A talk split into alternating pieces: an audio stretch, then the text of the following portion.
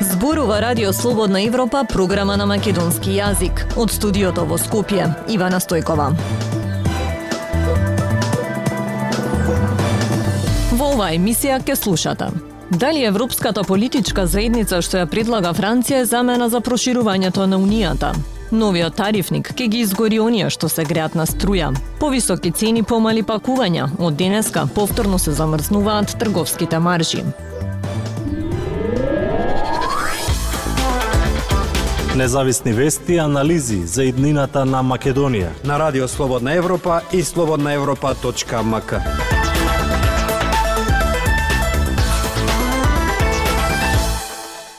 Франција предлага годинава да се создаде европска политичка заедница меѓу сите европски држави кои сакаат заедно да придонесат кон безбедноста, стабилноста и просперитетот на европскиот континент. Ова се наведува во нон-пеперот што Франција го предлага до државите членки, а во кој Радио Слободна Европа имаше увид. Но оваа политичка заедница не е замена за проширувањето. Пелагија Стојанчова на оваа тема.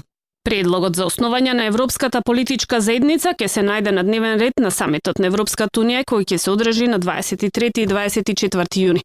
На самитот шефовите на држави и влади на Европската унија ќе расправаат за проширувањето со акцент на барањето на Украина, Молдавија и Грузија за полноправно членство. Во нацрт документот до кој Радио Слободна Европа имаше увид, се наведува дека Европската политичка заедница би била отворена за европските држави кои делат заеднички демократски вредности без разлика дали дали се членки на Европската Унија или не и без разлика на нивниот сегашен однос со Европската Унија.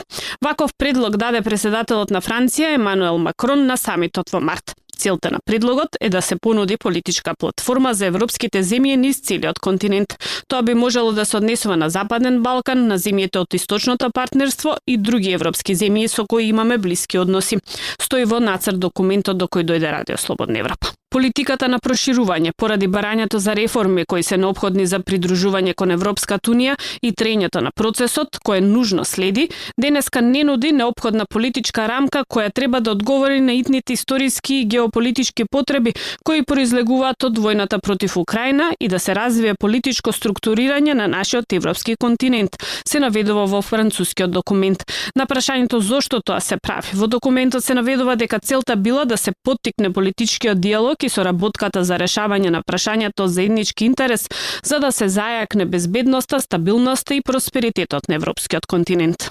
Но таквата рамка нема да ги замени и да ги надополни постојните политики и инструменти на Европската Унија, особено проширувањето, и целосно ќе ја почитува автономијата на одлучување на Европската Унија, стои во документот. Во нацр за клучоците се наведува дека Европската Унија повикува на забрзување на процесот на интеграција на Западен Балкан во Европската Унија на реверзибилен и заснован на заслуги начин. Во нацртот се посетува на важноста на реформите, особено во владењето на правото, судството, борбата против корупцијата и правата на малцинствата. Само се споменуваат преговорите меѓу Македонија и Бугарија. Што се однесува до Украина? Во документот се наведува дека ЕУ повторува дека цврсто стои зад неа и дека Европската Унија ќе продолжи да дава силна поддршка за севкупната економска, воена, социјална и финансиска отпорност на Украина, вклучително и хуманитарна помош. Наши економски проблеми. Ние разговараме за решенија на Радио Слободна Европа.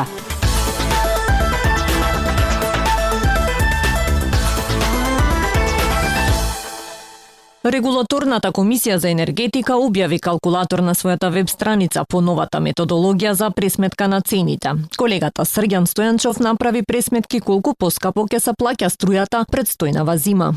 Четричлено семејство со две мали деца кое живее на кат од куќа од 80 квадратни метри во Скопје во март годинава платило струја од 7.500 денари. Семејството се грее со инвертор клими. Според новата методологија за пресметка на цената на струјата би требало да плати над 8300 денари, односно скоро 11 од 100 поскапо. Ова го покажува пресметката на калкулаторот објавен на регулаторната комисија за енергетика. Кога на тоа ќе се додаде и најавеното поскапување на струјата од наредниот месец, за кое председателот на регулаторната комисија Марко Бислимовски рече дека може да биде околу 10%, сметката што во март годинава била 7500 денари, во ноември ќе биде 9130 денари, односно за 22% повисока. Оние што зимоска трошеле по 9000 денари за струја со новата методологија може да добијат и за 2000 денари повисоки сметки. Сметките летно време според новата методологија може да бидат 100 до 300 денари пониски од актуелните, но нема да може да го компензираат зимското поскапување. Регулаторната комисија минатиот месец објави дека 17 домаќинства трошат струја колку дури 80.000 просечни семејства. Дел од нив загреваат огромни базени, а за дел постои сомнеш дека копаат криптовалути или ја користат струјата за други бизниси. Новата методологија беше најавена за да се справи со ваквите големи потрошувачи, но се чини дека никој што се грее на струја нема да биде поштеден.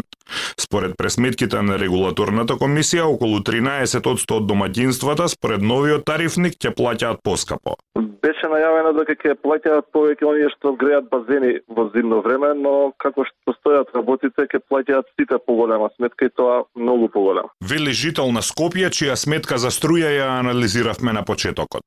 Според податоците на Државниот завод за статистика од 2019-та, околу една третина од домаќинствата во земјава се греат на струја. Професор Константин Димитров вели дека кога нема доволно домашно производство на струја и таа се купува по високи цени од странство, нема начин струјата да не поскапи. Политичка мерка ова не го решава проблемот, ќе си плаќаме поскапо, тоа е. Та, цената ќе поскапи, ова беше малку да се смири народ, ќе значи бидете мирни, нема алтернатива ќе поскапи. Регулаторната комисија пред десетина дена најави нов тарифник за пресметка на цените. Нема да има промени во начинот на пресметка на ефтината струја, но на место една тарифа во скапа струја како досега од наредниот месец ќе има неколку тарифи. Тие што трошат повеќе ќе плаќаат поскапо. Потрошената струја до 210 киловат часа во скапа тарифа месечно ќе се плаќа 35% поевтино од сега. Потрошувачката меѓу 210 и 420 киловат часа ќе биде со цени слични на сегашните, меѓу 420 и 630 ќе биде поскапа, а секој киловат час над границата од 630 киловат часа скапа струја месечно ќе биде многу поскап и ќе биде по слична цена со индустриската струја. Дајте ни 15 минути и ние ќе ви го дадеме светот. Слободна Европа.мк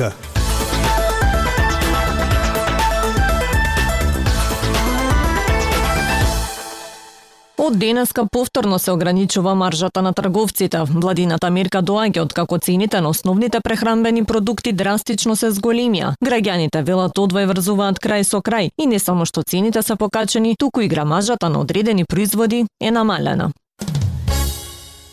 Цените на основните продукти не само што вртоглаво растат, туку и грамажата на одредени производи се намалува. Така, на пример, киселото млеко од половина килограм сега е намалено на 400 грама. Зејтинот наместо литар се продава по 900 милилитри. Исто и со шекерот и солта кои се продаваат по помалку од килограм. Граѓаните кои ги анкетиравме пред скопските маркети велат одвај врзуваат крај со крај. Па еве киселото млеко од пола литра е веќе 400 грама. Ако не им дозволат да ги качат, да ќе намалат грамажа. Тука кај нас си прави секој што сака. Е, сега земав кисело млеко, беше 19, завчера земав 19, сега го гледам 23 денари. Значи во државата ништо не функционира, ама фалеле инспектори, нека запостат, нека дадат на фамилија да леп. Па првото почна со киселото млеко. Од пол кило 400 грама се има, а овие зетиниве се, ако не отвориш очи, отидува да парите. Нема производство домашно, а све од страна се увезува, све е скапо.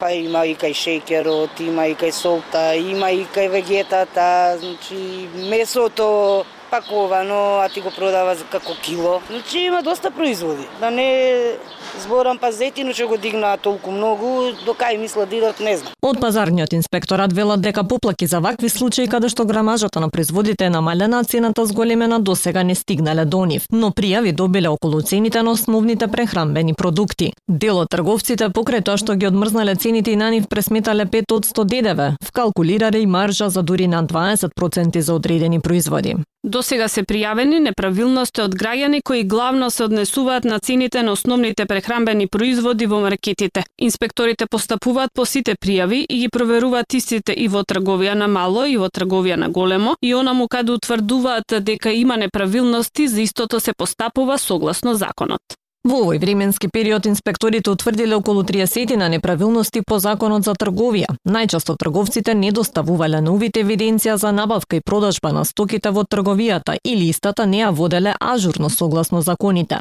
Во меѓувреме пак се заканува поскапување од 20 до 30 одсто и на сувомеснатите производи, но и за исто толков процент од пуштања, доколку владата не ја продолжи мирката за укинување на царината за замрзнатото свинско месо. Реагира од местната индустрија. Откако цените се вивнаат до плафон, владата одлучи повторно да го врати ограничувањето на маржите. Согласно владината одлука од денеска па се до крајот на септември, лебот, шекерот, маслото, брашното, макароните, оризот, кравиото млеко и јајцата ќе се продаваат со маржи од 5 и 10 одсто. До крајот на оваа година на производителите и трговците им се кратат и сите дополнителни трошоци. Министерот за економија Кришник Бектеши со мерката очекува намалување на цената на производите за 6 до 7 денари. Култура и уметност. На Радио Слободна Европа. Творби од класиците Шуман, Хајден, Брамс и нашите Зографски, Начевски и Андовска ја чинат програмата на концертот Песни од патување на македонскиот бас-баритон со интернационална кариера Иван Наумовски, што ќе се одржи утре вечер на 16 јуни во 12 часот во Музеот на македонската борба во Скопје. Љупчо Јолевски. Барајќи празен простор во набиениот распоред, Иван Наумовски од Виена се доаѓа дома за да го одржи концертот Песни од патувања во музеј на македонската борба во родното Скопје. Како човек кој исправено чекори на европската музичка сцена и стреми кон висините, какво е вашето чувство да се биде дома и да се споделува радоста со домашната публика? Секогаш кога се враќам во Македонија, без разлика дали е за настат или е за посета или за свадба, рационалното се трга на страна и секогаш емотивното излага на површина. За мене лично, можам да говорам, е задоволство да се дојде, да се настапи, затоа што немам толку големи можности тука да стапувам толку често. И секогаш настапувам на некои концерти кои што имаат поголема тежина, да речеме.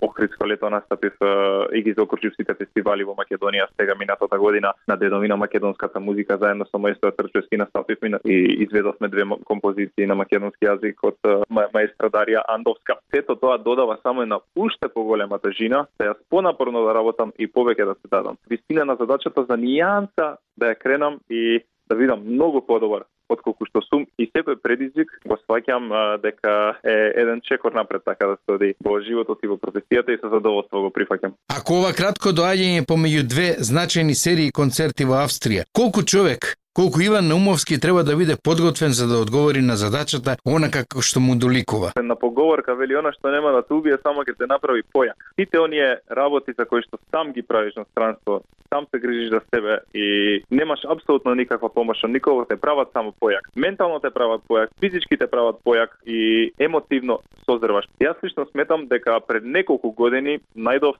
начин за да го балансирам приватниот живот и професијата и за да можам физички и ментално се да издржам затоа што ова шетање навака натака, искрено јас седва и најдов 12 дена да дојдам тука за да го направам овој концерт, но сметав дека морав да го направам и есенцијално е сега да го направам концертот. Благословен сум и среќен сум што го работам тоа што го сакам, но морам физички и ментално да пријам припремен за тоа што од 18 јуни па се до 1 јули јас имам секој ден концерт во Виена. Не е воопшто едноставно сето тоа да се издржи. Програмата на Скопскиот концерт Песни од патувања ја чинат творби на класици и на македонски автори, колку при тоа Наумовски свесно се определи за нив и за тоа до израз да дојде неговиот глас, стилот на интерпретација, сето негово сценско искуство што го собрал низ годините наназад. Од почетокот до крајот на композициите треба да има едно виножито од емоции, но сепак да остане тематиката. Мојата тематика е песни од патување и искрено многу така, да испеам исто така и македонски композиции, за да пасуваат заедно со звуците на Роберт Шуман, Јозеф Хајден. Некако го сватив, некако личен предизвик, некако лична сатисфакција македонските композиции да бидат дел од овој широк спектар на дела. Убеден сум, 100% дека ги најдов правите дела од правите композитори за да го изведеме овој рецитал на највисоко ниво. Ви благодарам на разговорот. Тоа беше се во вестите на Радио Слободна Европа од студиото во Скопје. Со вас беа Ивана Стојкова и Дејан Балаловски. До слушање.